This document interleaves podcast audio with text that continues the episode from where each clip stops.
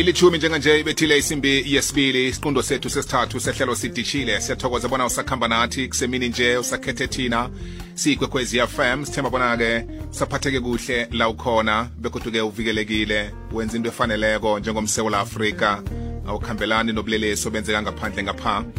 Ziphathe kuhle mntu omutsha ungathathwa lidumo.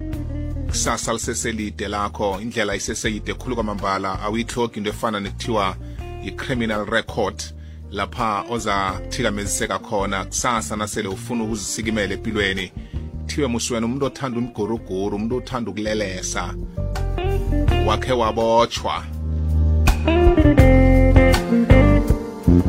Ngikwamukela nje ngikhambisana no, no tom. Siqala inyanga le yakavela bahlinze bona ingakhanike ngaphakathi kwamahlelo wokuthuthukisa umuntu okhubazekileko.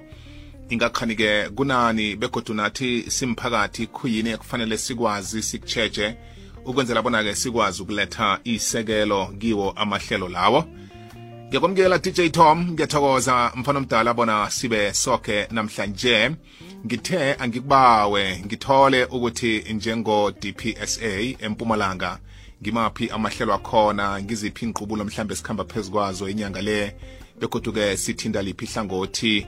Njengoba nasazi ukuthi ukukhubazeka kuhlukahlukene eh ngokuhlukahlukana kwawo njalo kunamahlelo asekela ukukhubazeka okukhona emphakathini. Asithathele lithuba-ke sikwamukele sizwe bona nisiphatheleni.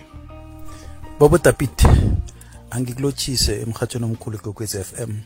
Ngilotshise nomlaleli ekhaya. Bobo siyazi ukuthi inyanga le inyanga enezinto eziningi ngaphakathi.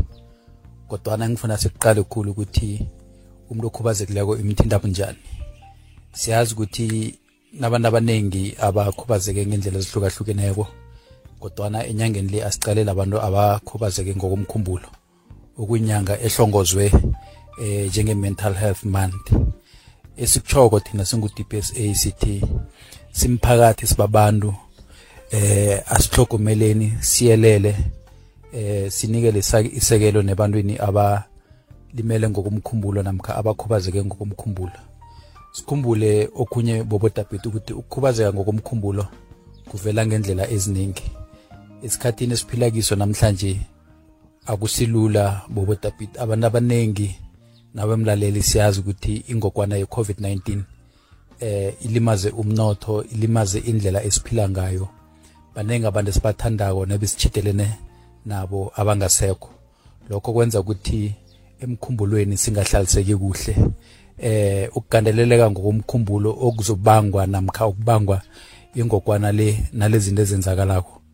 Esikhathini esizako kungabangela ukuthi umuntu azithole anokugula ngokomkhumbulo. So lokho kuqakathekile ukuthi sibabantu asihlogomele sazi ukuthi ukugula ngokomkhumbulo ngokhunye ukukhubazeka okukhona and ukukhubazeka ukuthinta abantu abaningi ngendlela eziningi ezihlukeneko. Ungathi wena nawune stress esincane namhlanje ucabanga ukuthi omunye umuntu eh akakathindeki khulu eh ukudlula wena. Sithindekile kusoke ngokulingana ukugula ngokomkhumbulo asikuhlogomeleni lento ebizwa nge-mental health month singu-dpsact eh kiwo wonke amahlelo esiwenzako asikhumbuleni abantu abagula ngokomkhumbulo. Abantu abakhubazeke ngokomkhumbulo bayalifuna ichejo nesekelo elivela kithi sibabantu enyangeni le yakajulayi.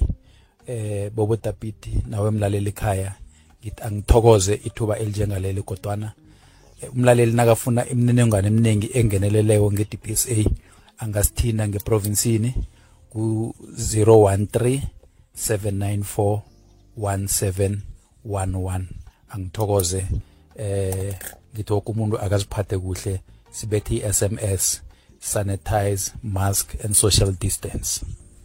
Thokozile tom. Thokoze khuluma mbala mna kwethu zwakele. Nayibunjalo mlaleli ngiyo-ke eh, besiphethe hlangothini-ke elithinda indaba zokhubazeka